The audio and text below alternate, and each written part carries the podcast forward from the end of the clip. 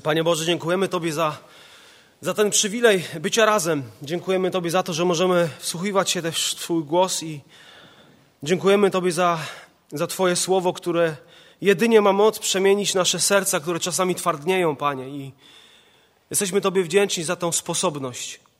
I chcemy się poddawać pod Twoje słowo, chcemy być Tobie, Panie, posłuszni, chcemy też zobaczyć Ciebie wywyższonego też tego dnia. Otwieraj nasze serca i umysły abyśmy zobaczyli Ciebie prawdziwie takim, jakim jesteś. Amen. Pięć minut temu otrzymałem od Łukasza Biblię bez mojego kazania. I powiedział mi jedno słowo: Zobaczymy, jak z ducha powiesz. Ja jestem akurat tą osobą, która potrzebuje mieć kartkę, ponieważ wierzę, że mówienie z ducha to też mówienie z przygotowanego umysłu, a kiedy się ma cytaty, różne fragmenty, trzeba mieć pomoc. Wracamy do listu do Hebrajczyków. Jesteśmy w cyklu Jezus jest lepszy. I do tej pory powiedziałem o tym, że Pan Jezus jest lepszy niż prorocy. Mówiłem o tym, że Pan Jezus jest lepszy niż aniołowie. Pan Jezus nie jest aniołem, ale jest synem Bożym. Jest pierworodnym. Jest tym, który otrzymał uwielbienie i tylko On otrzymuje uwielbienie. Mówiłem o tym, że aniołowie Panu Jezusowi służą i On nie jest stworzeniem. Mówiłem o tym, że jest Bogiem, który zasiada na tronie, jest namaszczonym, a więc świadkowie Jehowi się mylą, kiedy mówią, że jest aniołem. Mówiłem o tym, że jest wiecznym stwórcą, jest władcą. I między innymi dlatego, że jest synem Bożym, jest wyższy, lepszy, większy niż aniołowie, ale również jest, Pan Jezus jest synem człowieczym, jest człowiekiem. I musiał stać się człowiekiem. Dlatego, że jego człowieczeństwo umożliwiło odzyskanie tej władzy, którą Adam stracił w ogrodzie Eden. Pan Jezus musiał stać się człowiekiem, przecież jego człowieczeństwo sprawiło to, że on doprowadził do chwały wielu synów, otworzył dla ciebie i dla mnie drogę. Jego człowieczeństwo umożliwiło mu rozbrojenie szatana, i to jest dla Twojego dobra. On wybawił Ciebie od śmierci i od strachu przed śmiercią. I on musiał stać się człowiekiem dlatego że musiał stać się współczującym arcykapłanem dla całego swojego ludu. I dzisiaj kolejny rozdział, trzeci rozdział. Pierwsze dwa rozdziały listu do Hebrajczyków to jest takie tło, taka podstawa tego, o czym autor będzie mówił później. Semper fidelis. W skrócie semper fi. Jest to motto, sentencja, która na przykład była używana w niektórych miastach, przez formacje wojskowe, przez różne organizacje. Semper Fidelis, nie wiem czy wiecie, to była dewiza na przykład angielskiego miasta Exeter albo dewiza jednostki lotniczej polskich sił powietrznych w Wielkiej Brytanii podczas II wojny światowej. Semper Fidelis, Semper Fi. To jest motto żandarmerii strzeleckiej Związku Strzeleckiego i oczywiście to jest motto Korpusu Piechoty Morskiej Marines, Armii Stanów Zjednoczonych. Marines mówią, że najważniejsza dla nich rzecz to jest honor, oddanie, odwaga i oczywiście semper fidelis. Zawsze wierny. Z naciskiem na to pierwsze słowo semper, zawsze. I dzisiaj powiemy o dwóch ludziach, którzy byli wierni. O Mojżeszu i o Jezusie. Wierność, bycie wiernym. Pewien senator USA, Mark Hatfield, opowiedział o tym, jak pojechał do Kalkuty, do matki Teresy i zaczął obserwować to, co ona tam robi. Odwiedził dom, tak zwany dom umierających, gdzie opiekuje się chorymi dziećmi, które, które po prostu umierają. Zobaczył, jak zajmują się pracownicy matki Teresy, zajmują się tymi, którzy, których nikt nie chce, dzieciakami, które umierają, chorymi, którzy umierają, biednymi, trędowatymi. Odwiedził również przychodnie, w której było setki biednych oczekujących na pomoc medyczną. I ten senator, jak to zobaczył, był przerażony tym, co zobaczył. I podszedł do tej kobiety i powiedział: Jak możesz znieść ten ciężar? I ten ciężar ciebie nie przygniata. Tu nie było mowy o żadnym sukcesie. Gdzie ta kobieta powiedziała, spojrzała na niego i powiedziała: Drogi senatorze, Nie jestem powołana, aby odnieść sukces, a jestem powołana do tego, aby być wierną. Dzisiaj o Mojżeszu i o Jezusie, o których Boże Słowo mówi, że byli wierni. Trzeci rozdział listu do Hebrajczyków. Przeto bracia, święci i współuczestnicy powołania niebieskiego, zważcie na Jezusa, posłańca i arcykapłana naszego wyznania, wiernego temu, który go ustanowił, jak i Mojżesz był wierny w całym domu Bożym.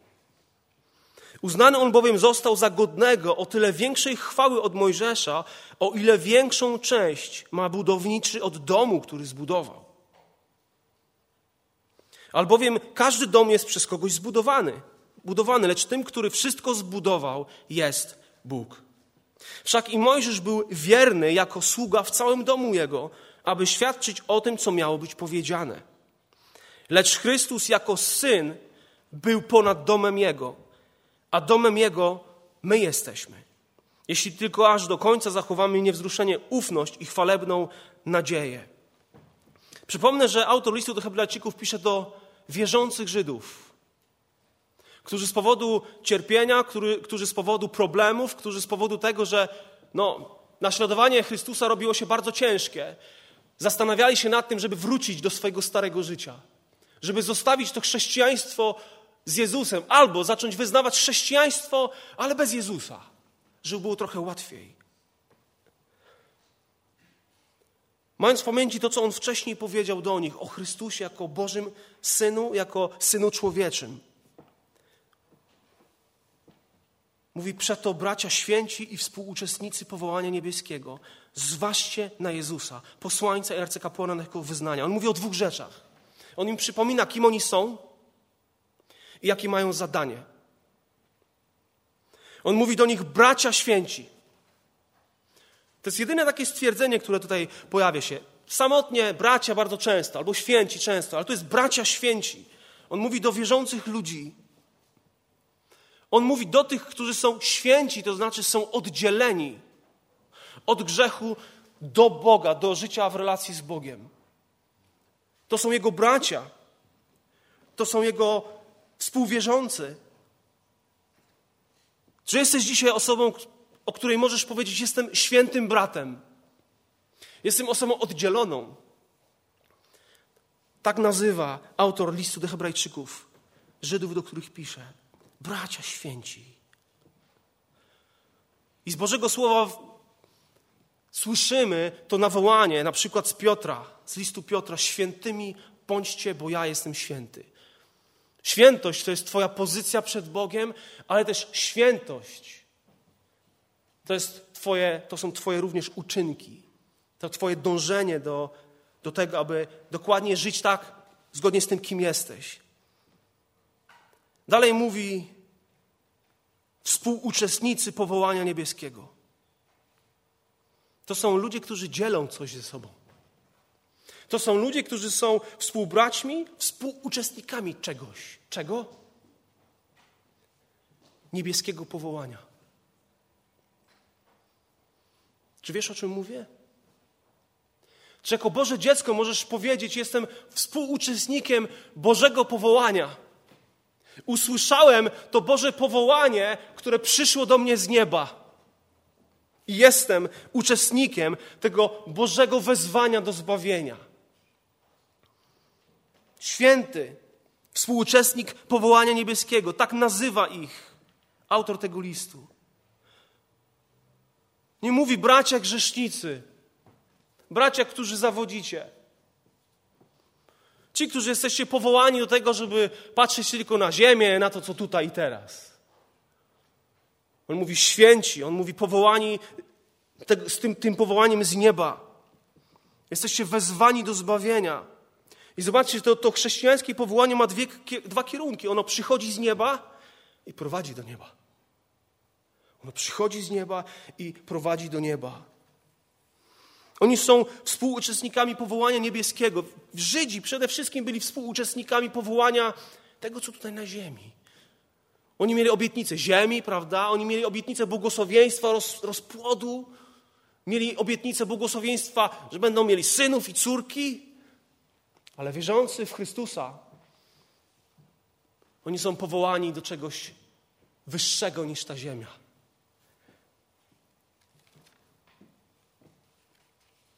I on mówi, kim są. A teraz co mają robić? Mówi, rozważcie. Ja wam coś wcześniej powiedziałem o Chrystusie, kim On jest, że jest większy, że jest lepszy. A teraz rozważcie. Rozważcie to, kim On jest i w jakiej wy jesteście sytuacji. Oni mają coś bacznie zaobserwować. Oni mają zwrócić uwagę na istotny fakt, na istotną osobę. To nie jest takie, wiecie, delikatne słowo. A tam sobie zobaczcie, tam sobie szybciutko pomyślcie. On zachęca ich, aby uważnie się zastanowili, skupili oczy, oczy na, na kimś szczególnym, na Jezusie. Oni mają w pełni objąć Jego osobę. Mają skoncentrować uwagę na Nim. Kiedy Pan Jezus na przykład mówił w swojej przypowieści spójrzcie na kruki. To jest to samo słowo. To znaczy nie tak sobie spójrzcie tylko, ale zacznijcie wyciągać lekcje, lekcje z tego, co te ptaki robią. Dlatego, że one muszą was czegoś nauczyć.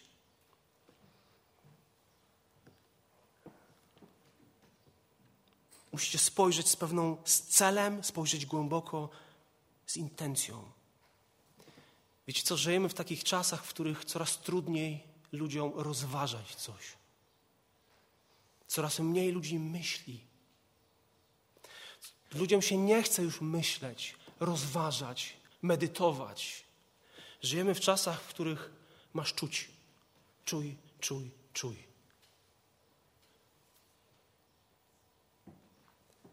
Ale autor tego listu mówi: rozważ. To jest kwestia pewnego wysiłku intelektualnego. Nie czuj rozważ, pomyśl. Powierzchowność jest dzisiaj zmorą naszych czasów. Taka jest, taki jest ten świat, taka jest ta kultura. A jak to dobrze, że jako wierzące, wierzące osoby możemy rozważać, możemy rozmyślać o Jezusie. A rozmyślamy? A rozmyślamy? A rozważamy Jego osobę? Czy może, możemy, może dajemy się tak kusić temu światu, który mówi czuj, czuj, czuj. A jak nie czujesz, to nie rozważaj. Czuj. Czuj. I oni mają rozważyć. Kogo mają rozważyć? Mają spojrzeć na kogo?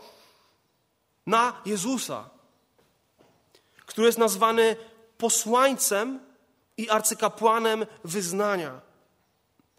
Słowo posłaniec to jest słowo apostolos. Jest słowo apostoł. Pan Jezus jest nazwany tylko tutaj apostołem.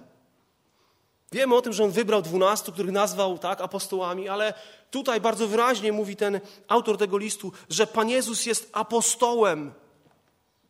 Tym, który jest wysłannikiem nieba, tym, który jest wysłannikiem Ojca. I autor nadaje taki tytuł Jezusowi i nikomu innemu. On jest arcyapostołem. W żydowskiej terminologii takie to słowo apostoł no, tyczyło na przykład posłańca Sanhedrynu. Ta najwyższa rada żydowska coś ustalała i posyłała takiego, to był apostoł przed poselstwem. W świecie greckim oznaczało to słowo po prostu ambasadora. Ambasador miał pełnię władzy, tak, autorytet króla, który powołał go na to stanowisko i go wysyła. I taki głos ambasadora w obcym kraju był głosem samego króla i całego kraju. Pan Jezus jest apostołem, on jest posłanym, on jest głosem nieba, głosem Boga. Posiada prawo, posiada moc, posiada władzę. Tego, który go posyła. Posłał go Ojciec, posłał go Bóg. On jest ambasadorem, on jest apostołem, ale jest też arcykapłanem i kolejny raz autor tego listu wraca do arcykapłaństwa Pana Jezusa Chrystusa. W rozdziałach od 4 do 10 będzie o wiele więcej mówił o Chrystusie. On jest arcykapłanem, kapłanem kapłanów, najwyższym kapłanem. Z łaciny to słowo to jest pontifex. Wiecie, co to znaczy? Budowniczy mostu. Pan Jezus jest budowniczym mostu między Bogiem a człowiekiem, między człowiekiem a Bogiem. I ten temat arcykapłaństwa autor rozwija w swoim liście, liście do Hebrajczyków. On jest posłańcem i arcykapłanem wyznania. Inaczej mówiąc, wyznawanych przez nas prawd. I odbiorcy tego listu mają skupić się na tym, który jest treścią ich wiary, treścią prawdy.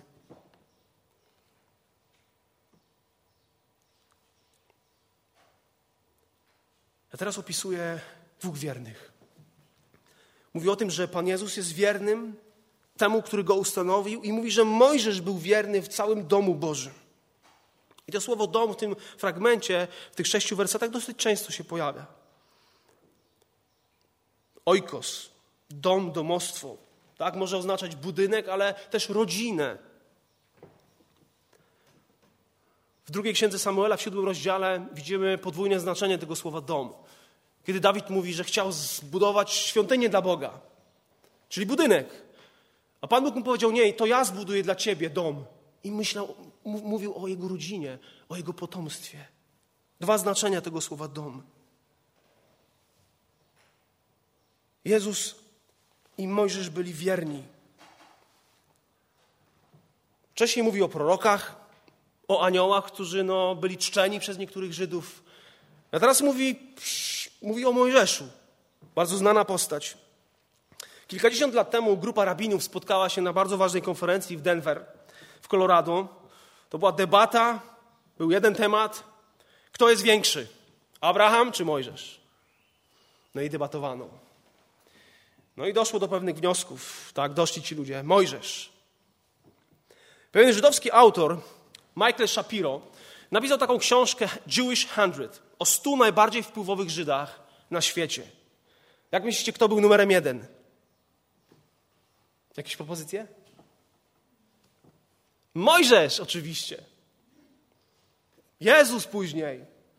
Einstein, Zygmunt Freud, Abraham i tak dalej, i tak dalej.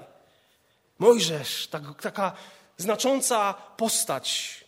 Dla Żyda to był wyjątkowy człowiek, to był bohater narodowy, bohater religijny, ktoś, kto zajmował wyjątkowe miejsce w naszej rodzinie żydowskiej. Mojżesz. Przecież on jest autorem pięcioksięgu. Przecież to jest ktoś, kto, kto rozmawiał z Bogiem twarzą w twarz. Nie ma nikogo takiego jak on. Może warto jednak wrócić do Mojżesza. Może jednak warto pójść za człowiekiem, za tą tradycją, którą on nam zostawił, za tym prawem, które nam dał. Mojżesz. Eksodus 33:11 czytamy i rozmawia Pan z Mojżeszem twarzą w twarz, tak jak człowiek rozmawia ze swoim przyjacielem. Po czym wracał Mojżesz do obozu, podczas gdy młody sługa jego Jozue, syn Nuna, nie oddalał się z namiotu. I pamiętacie, że kiedy schodził Mojżesz z góry, jego twarz jaśniała. On miał chwałę Bożą, to był człowiek chwały. Odbijał tą chwałę Bożą. Musiał zasłonę sobie na twarz dawać, bo ludzie nie byli w stanie przebywać tak blisko niego. To był szczególny człowiek. I autor tego listu mówi, że Mojżesz był wierny. Mojżesz był wierny. To przecież jemu zostało dane prawo. To prawo wielokrotnie w Biblii jest nazywane nie prawem Bożym, chociaż jest wielokrotnie, ale bardzo często jest prawem mojżeszowym. Tak bardzo Mojżesz był związany z tym prawem, że to Boże prawo nazywano prawem mojżeszowym. On był wierny. Pan Bóg go powołał i on był wierny. Pewnego niedzielnego poranka przed nabożeństwem jeden z diakonów nie wytrzymał już tego, że ławki były puste i podszedł do kaznodziei, który był pastorem i powiedział tak, pastorze, coś musi być nie tak z twoim głoszeniem i z twoją pracą. W ciągu roku nawróciła się tylko jedna osoba i tą osobą był chłopiec.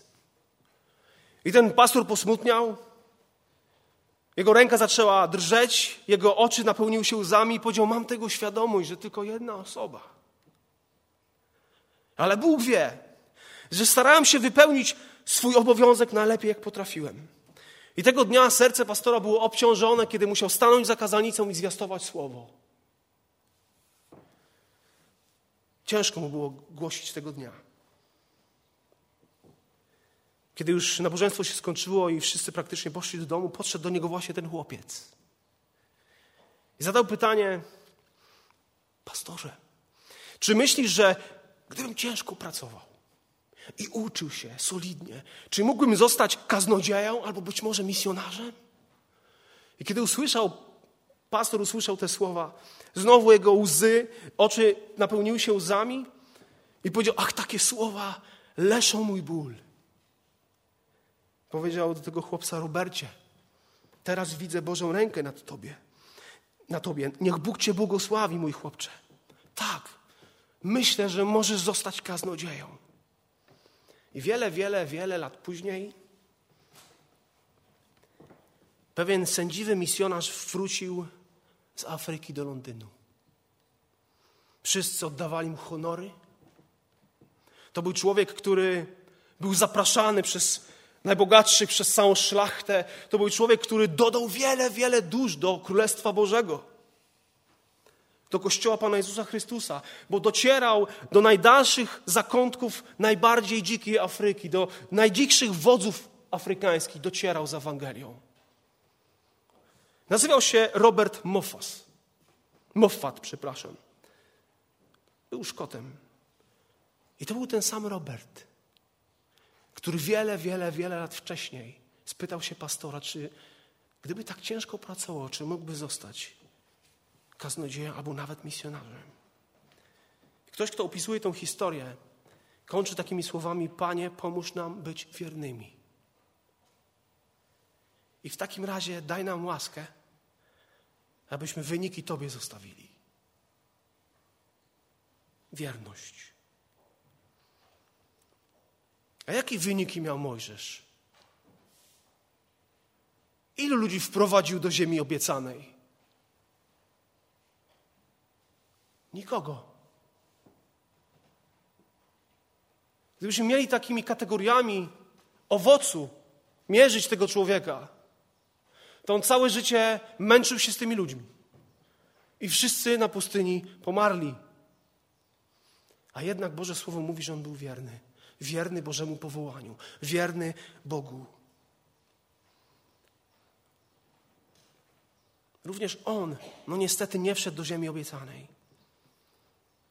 Żyjemy w czasach, w których coraz trudniej znaleźć ludzi wiernych, ludzi godnych zaufania, ludzi, na których możesz polegać. Żyjemy w czasach niewierności, w czasach niewierności małżeńskiej, w czasach niewierności rodzinnej, w czasach niewierności w pracy. Coraz więcej pracowników to są ludzie niewierni pracodawcy. Żyjemy w czasach, w których coraz więcej jest niewierności w służbie dla Boga, niewierności w kościele. Takie mamy czasy. Ale wiemy, że wierność jest wielkim świadectwem. Nasze dzieci potrzebują widzieć rodziców, którzy są wierni, którzy są godni zaufania. One potrzebują widzieć ojców, którzy są wierni w służbie dla Pana Boga, matki, które są wierne w modlitwie, w bojowaniu. Mojżesz był wierny, ale autor mówi o tym, że, że Jezus również był wierny. Temu, który go ustanowił, był wierny Ojcu. Pan Jezus był godny zaufania, kiedy był małym dzieckiem. Był wierny, kiedy pod, był poddany rodzicom. Był wierny jako młodzieniec. Pan Jezus był wierny jako cieśla, kiedy pracował ze swoim tatą, kiedy on jeszcze żył. Wiernie wykonywał swoją pracę i on był godny zaufania. On był wierny, kiedy rozpoczął swoją służbę, wczesną służbę. Kiedy ojciec powiedział: To jest czas, teraz idź. On był wierny, kiedy poddał się Janowi i był ochrzczony. On był wierny, jeśli chodzi o czystość. Wierny wobec każdej pokusy, wierny Bogu. Był wierny w obliczu opozycji, w obliczu ataków. Był wierny Bogu, kiedy przychodziły pokusy. On był wierny, kiedy wisiał na krzyżu na Golgocie. On był wierny nawet swojej matce, kiedy już umierał i mówi: Janie, zaopiekuj się nią. Zatrosz się o nią. On był wierny, kiedy umierał, on był wierny, kiedy powstawał z martwych. I wiesz co? On będzie wierny do końca swojemu ludowi. Tak jest Jezus. Tak jest Twój mój Zbawiciel. I autor tego listu mówi o wyższości Jezusa i wierności Jezusa nad Mojżeszem. Przecież Pan Jezus został uznany za godnego o tyle większej chwały od Mojżesza, o ile większą cześć ma budowniczy od domu, który zbudował. No bowiem każdy dom jest przez kogoś zbudowany, lecz tym, który wszystko zbudował, jest Bóg. Pan Bóg buduje. Pan Bóg jest budowniczym. I autor tego listu mówi, że Jezus jest budowniczym, który buduje. I wiesz co? On zbudował dom Mojżesza. Pan Jezus Chrystus. On jest ponad jego domem. Dla mnie jest nie, niebywałe, kiedy człowiek patrzy na świat, na to, co jest i mówi, to samo powstało. To samo powstało. Ten dom, który nazywa się naszym światem, ten wszechświat, to się samo stało. Nie, to zostało zbudowane, to zostało stworzone. I wiemy, kto stworzył ten świat. Autor Hebrajczyków na początku tego jakby o tym mówił. Że Pan Jezus przecież podtrzymuje wszystko słowem swojej mocy. On jest stwórcą. I on jest lepszy od Mojżesza. To Jezus usłyszał, to jest syn mój umiłowany. Mojżesz nie usłyszał takich słów. Każdy dom jest przez kogoś zbudowany. Chrystusowi należy się większa wszelka chwała, wszelka cześć.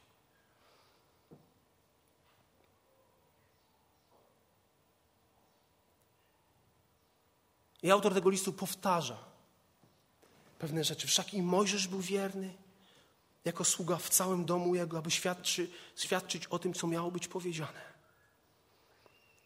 W II wieku pewien rabin żydowski powiedział, to był Josef ben Halaft, komentując ten fragment powiedział, Bóg nazywa Mojżesza wiernym w całym swoim domu i przez to stawia go wyżej od wszystkich usługujących mu aniołów. Mojżesz. Kiedy Miriam i Aaron zaczęli buntować się przeciwko Mojżeszowi, Mojżeszowi, czytamy o tym w czwartej księdze Mojżeszowej, dwunastym rozdziale, od 6 do 9. Czytamy tak, i rzekł Pan. Słuchajcie moich słów.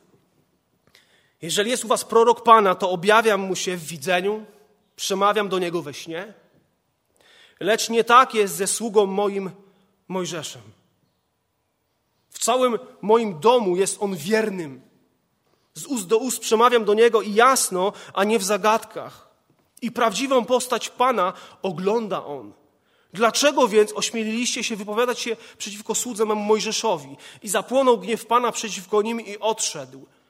I autor tego listu powołuje się na ten fragment, że Mojżesz był wierny w całym domu Bożym. To była szczególna postać. Za każdym razem, kiedy czytam historię o Mojżeszu, historię, kiedy on chciał zobaczyć Boga, nie wiem czy pamiętacie, powiedział: Boże, ja, ja, ja mam iść z tym narodem, ja chcę, Ty musisz być z nami, ja chcę zobaczyć Swoją chwałę. I Bóg mu powiedział: Nie możesz, żaden człowiek nie może zobaczyć mojej chwały, ale zrobię wyjątek. Ujrzysz mnie, ale od tyłu. Mojego oblicza nie możesz zobaczyć. I schował gdzieś w rozpadlinie Mojżesza, i Pan Bóg przechodził, zasłonił go ręką, i potem Mojżesz mógł zobaczyć Boga. To był ktoś naprawdę szczególny. Mojżesz. Jak bardzo różnił się od proroków. Z ust do ust Bóg do niego mówił. Nie było tak wspaniałej osoby, jest powiedziane, tutaj jest nazwany sługą. Jako sługa. Był wierny jako sługa. I to nie jest użyte to powszechne słowo dulos w Nowym Testamencie. A to jest słowo, które określa tylko i wyłącznie Mojżesza. To nie jest słowo, które opisuje jakiegoś niewolnika, ale to jest słowo, które oznacza ochotnika, który jakby działa z powodu miłości i uczucia. Opisuje człowieka, który posiadał godność, posiadał wolność, nie był niewolnikiem.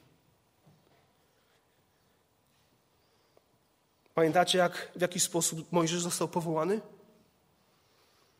Na początku wahał się, nie był zdecydowany, dyskutował z Bogiem. Ja też bym dyskutował, jakbym usłyszał, napatrzyłem się na niedolę tego ludu, a teraz ty idź i wyprowadź, idź do Faraona i wyprowadź cały lud. Dwa miliony ludzi, dwa, trzy miliony z dziećmi.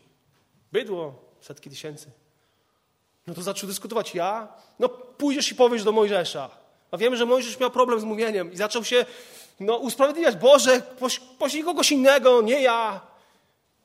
I wtedy Pan Bóg się rozgniewał. Powiedział, kto dał człowiekowi usta? Kto dał człowiekowi usta? Kto czyni go niemym albo głuchym, widzącym albo ślepym? Czyż nie ja Pan? Idź. Okej, okay, dam tobie pomocnika w osobie twojego brata Arona, ale pójdziesz. I w momencie, kiedy od, Mojżesz odpowiedział na to powołanie, to pozostał Bogu wierny.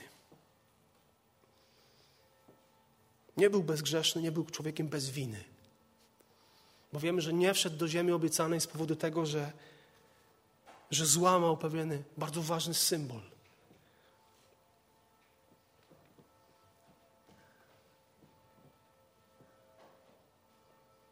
I autor tego listu mówi, jaki cel miał Mojżesz.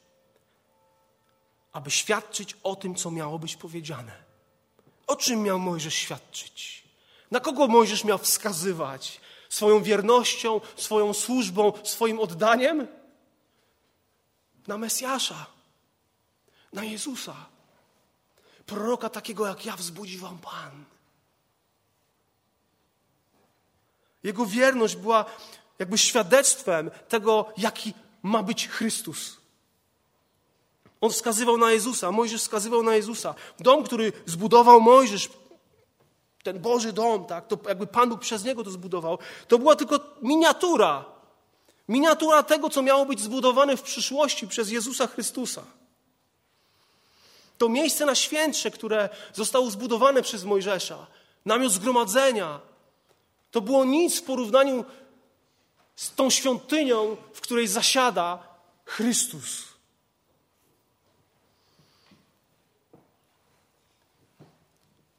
Pan Bóg poinstruował Mojżesza, aby, pamiętacie, kiedy powiedział, nie było wody znowu na pustyni, ludzie przestali ufać Bogu, szemrali i Mojżesz miał powiedzieć do skały. Ale ten lud zalazł mu za skórę i po prostu uderzył. I nie wiedział tego, co robi. Nie zdawał sobie z tego sprawy, ale no, stracił panowanie, uderzył. To było grzechem, to było nieposłuszeństwem, dlatego że czytamy o tym, że tą skałą, w symbolicznym tak sposób mówiąc, tą skałą był Jezus Chrystus.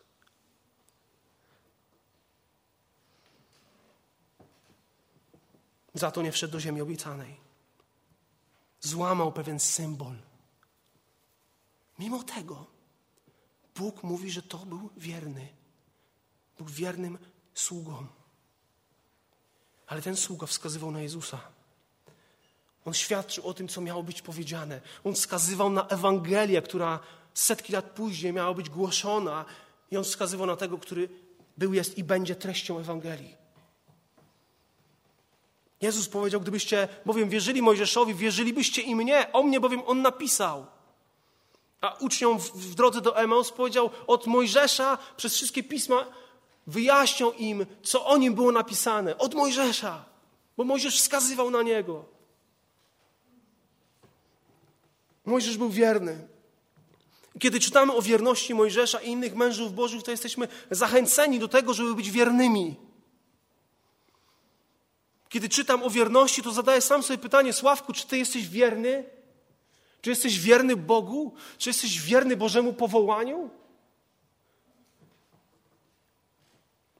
Jesteśmy powołani do tego, że mamy być wierni. Bez względu na to, kim jesteś, jakie masz zadanie, masz być osobą wierną. Wierną Chrystusowi. Jego powołaniu, powołaniu do zbawienia, do służby. Mamy być wierni i lojalni swoim pracodawcom.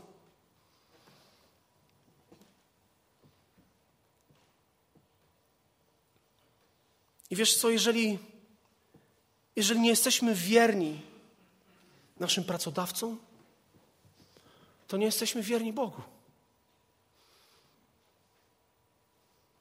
Jeżeli nie jesteśmy osobami godnymi zaufania dla ludzi, to dla Boga jesteśmy? Jeżeli nie jestem wierny jako pracownik, to nie będę wierny jako szef. Ale Mojżesz był wierny. Ale Chrystus jako wierny, jakby był wiernym we wszystkim. I ten Chrystus ma swój prototyp w osobie Mojżesza. Ciekawe, jakby Pan Bóg miał opisać Ciebie i mnie jednym słowem, to co by powiedział Tobie? Czy powiedział, Sławek jest wierny jako sługa w całym moim domu.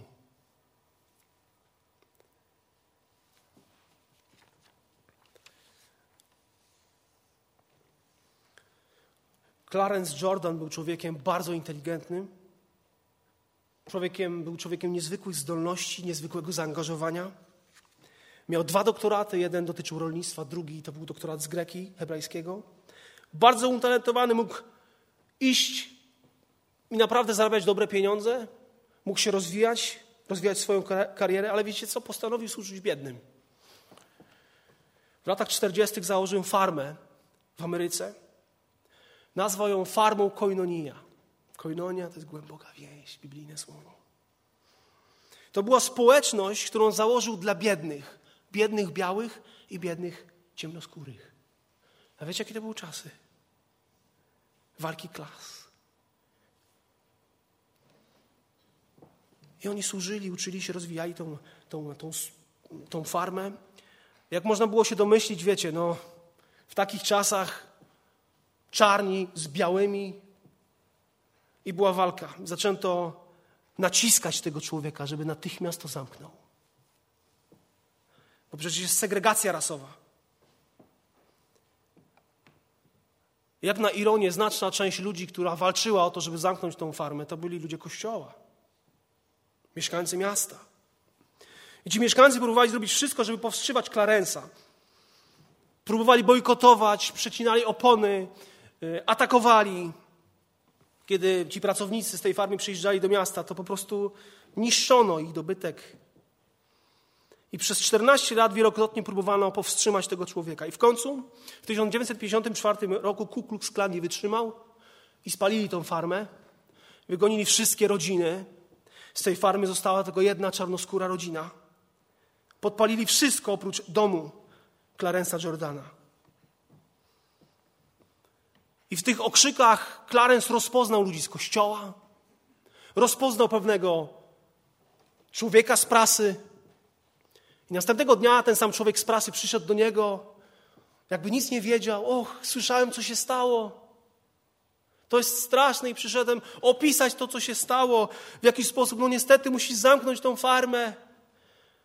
Ale ten reporter zobaczył, że, że Jordan w ogóle nie zwraca na niego uwagi, tylko coś tam sadzi i robi w ziemi.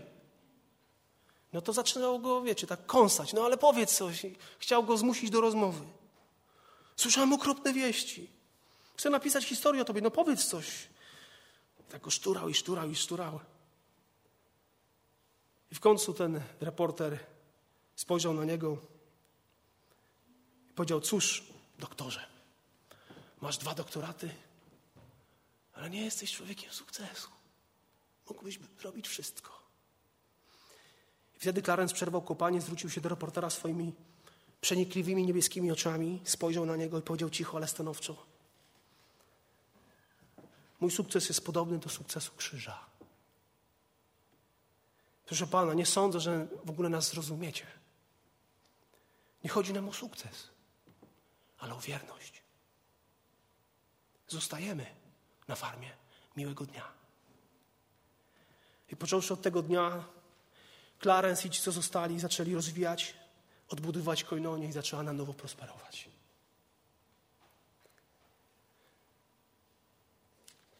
Ciekawe, czy jesteśmy wiernymi.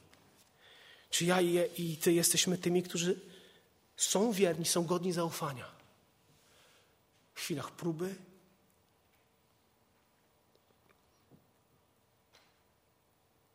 Lecz Chrystus jako Syn był ponad domem Mojżesza, a domem Jego my jesteśmy.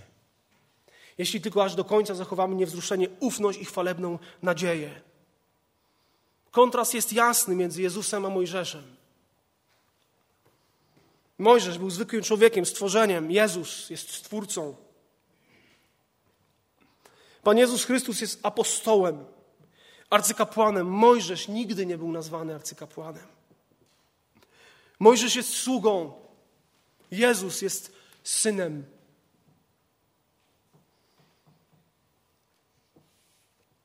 Mojżesz był sługą w domu. Jezus był budowniczym całego domu. Mojżesz był tylko członkiem tego domostwa, który został zbudowany przez Boga. Mojżesz zwiastował prawo, miał zwiastował to, co miało nadejść, ale Pan Jezus Chrystus przyniósł wypełnienie tego, co miało nadejść. Służba Mojżesza to była służba cieni. Pan Jezus to jest rzeczywistość.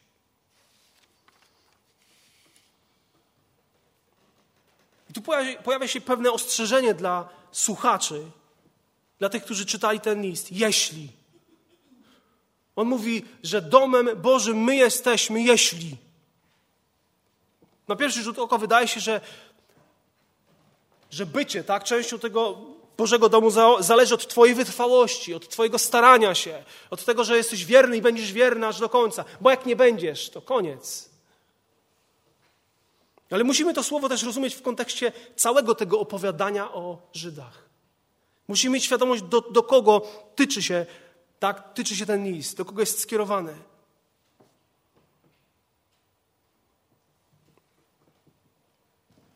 Czy będziesz miał swoje zbawienie, bo będziesz wierny?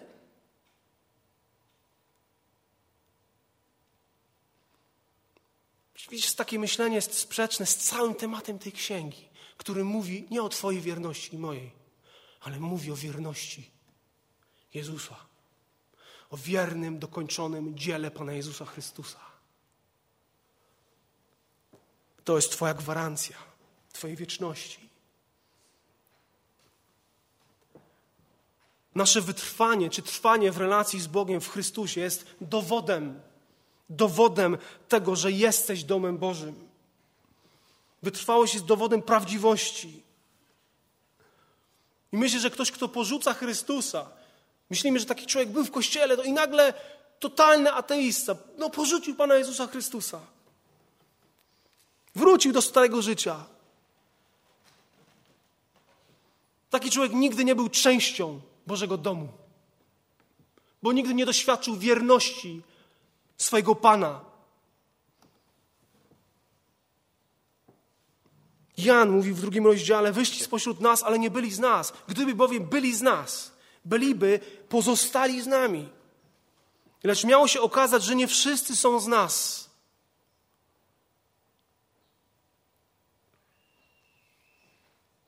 Twoja ufność, Twoja nadzieja są dowodem. To nie jest warunek, to jest dowód. Jeżeli jesteś osobą świadomie wierzącą w Pana Jezusa Chrystusa, będziesz trzymał się Boga, będziesz trzymał się Chrystusa. Nie dlatego, że jesteś w stanie sam z siebie, ale ponieważ On jest w stanie uczynić Ciebie wiernym, stojącym w prawdzie. Jako Boże dziecko będziesz cieszył się nadzieją, będziesz mocno stał w wierze aż do końca. Będziesz radował się Bogiem aż do końca. I będzie to się działo pośród cierpienia i prześladowania. Do tego jesteśmy zachęceni, aby mieć ufność. To słowo oznacza pewną otwartość, wolność słowa. To znaczy, że możesz śmiało i swobodnie iść do Boga. Nie dlatego, że Ty jesteś taki dobry i doskonały, a dlatego, że On jest i dlatego możesz śmiało iść do Niego. W każdej sytuacji prześladowania, w sytuacji kryzysu, bólu, w sytuacji, kiedy zgrzeszyłeś, zgrzeszyłaś, możemy śmiało i z ufnością iść do tronu łaski. I możesz mieć tą śmiałość z powodu wierności Chrystusa, z powodu przelanej krwi Jezusa Chrystusa. I autor tego listu mówi: Nie odrzucajcie Chrystusa. On jest większy od Mojżesza. On jest prawdziwie wiernym, bo wierność Mojżesza nie dała zbawienia i ratunku narodowi izraelskiemu. Ale zupełnie inna rzecz się ma z Jezusem.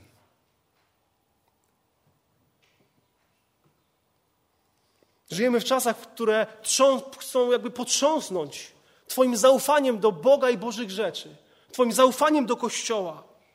Żyjemy w czasach, w których Twoi przyjaciele, bądź być może nawet Twoje dzieci i rodzice będą Ciebie trząść, abyśmy się zachwiali w przekonaniu, w prawdzie. Odnośnie Chrystusa, odnośnie dokończonego dzieła zbawienia. Twoje zaufanie chcą, żeby się chwiało. Żyjemy w czasach, w których nigdy wcześniej nie było tylu naśladowców Chrystusa i nigdy wcześniej nie było tyle ataków na Kościół, tyle zwiedzenia, tyle powierzchowności. Żyjemy w czasach, które uderzają w przekonania i w prawdę, w Jezusa. I niektórzy zdają się wracać. Mają myśleć, czy to jest sens służyć Chrystusowi, czy to jest sens być w tym prześladowaniu.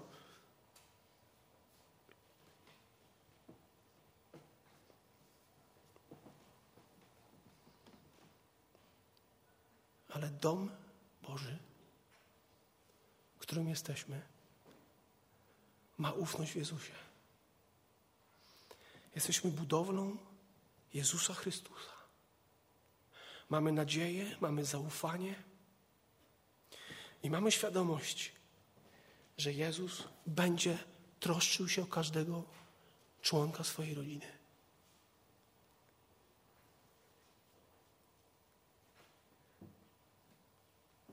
Jeżeli zaufałeś Chrystusowi, to udowodnisz to swoją wytrwałością, ufnością. I będziesz miał świadomość tego, że to nie jest Twoja wytrwałość. To jest Jego pomoc. Do Mojżesza Bóg przemówił na górze Synaj wśród grzmotów, wśród ognia. Był wielki strach w sercu samego Mojżesza, który mówi: Jestem przerażony i drżący. Ludzie bali się wstać w ogóle w pobliżu Pana Boga. Mówili: Mojżeszu, ty za nami, ty za nas tam rozmawiaj z Bogiem. My nie chcemy, bo się poginiemy.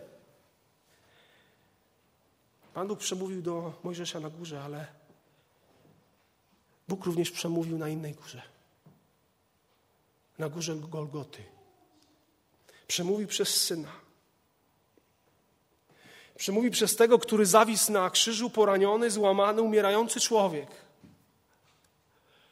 Ale ten człowiek nie był tylko człowiekiem. Ten, który wisiał na krzyżu, był również Bogiem.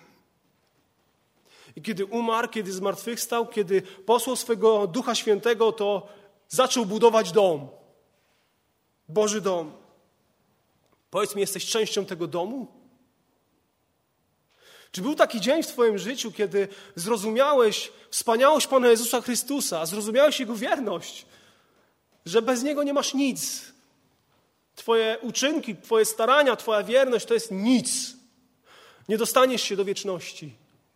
Czy był taki dzień, kiedy zaufałeś, zaprosiłeś swojego Boga do swojego życia, wyznałeś Mu swoje grzechy i On stał się Twoim Panem i Zbawicielem? Pan Jezus jest lepszy. Pan Jezus jest lepszy. Lepszy niż Mojżesz, lepszy niż prorocy, lepszy niż każdy człowiek chodzący, nawet najwspanialszy autorytet tych czasów. Jezus jest lepszy, jeśli chodzi o urząd, jeśli chodzi o dzieło, które wykonał, jeśli chodzi o osobę. On jest synem.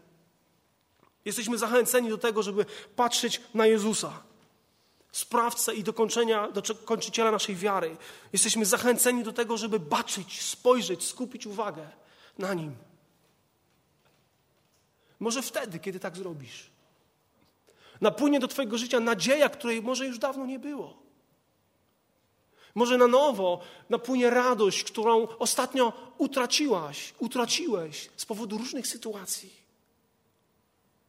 Jesteśmy wezwani do tego, żeby zachować ufność, radość, nadzieję w Jezusie. On jest wierny. Trzymaj się mocno Chrystusa. Trzymaj się mocno wiernego.